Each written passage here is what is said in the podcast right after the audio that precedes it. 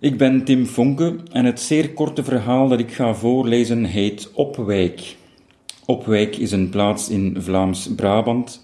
Iedere gelijkenis met gestorven personen berust helaas niet op toeval. In de trein denk ik aan de mensen die verder moeten zonder een man die stierf op het spoor.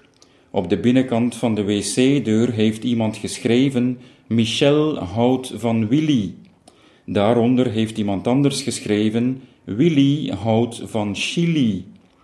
De banale poëzie van het leven dat niet bij iedere ingestorte wereld kan blijven stilstaan en dus verder gaat.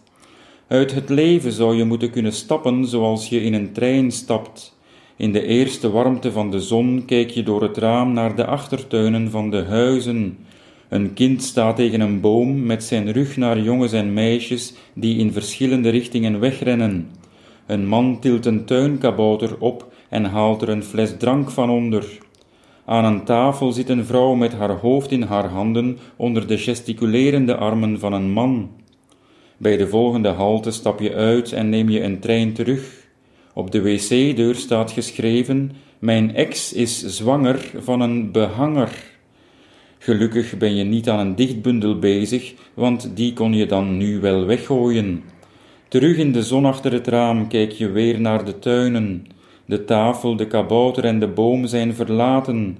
Een jongen ligt nog verstopt in de berm tussen het spoor en de tuin, maar de andere kinderen laten hem liggen. Soms helpt het om mensen te zien die even niet goed zijn, om zelf weer even de best mogelijke mens te kunnen zijn. Soms vind je je best mogelijke zelf niet goed genoeg meer en wil je die mens verbergen. De zelfgekozen dood valt te begrijpen als verstopplaats. Het is geen kinderspel om je daar te laten liggen.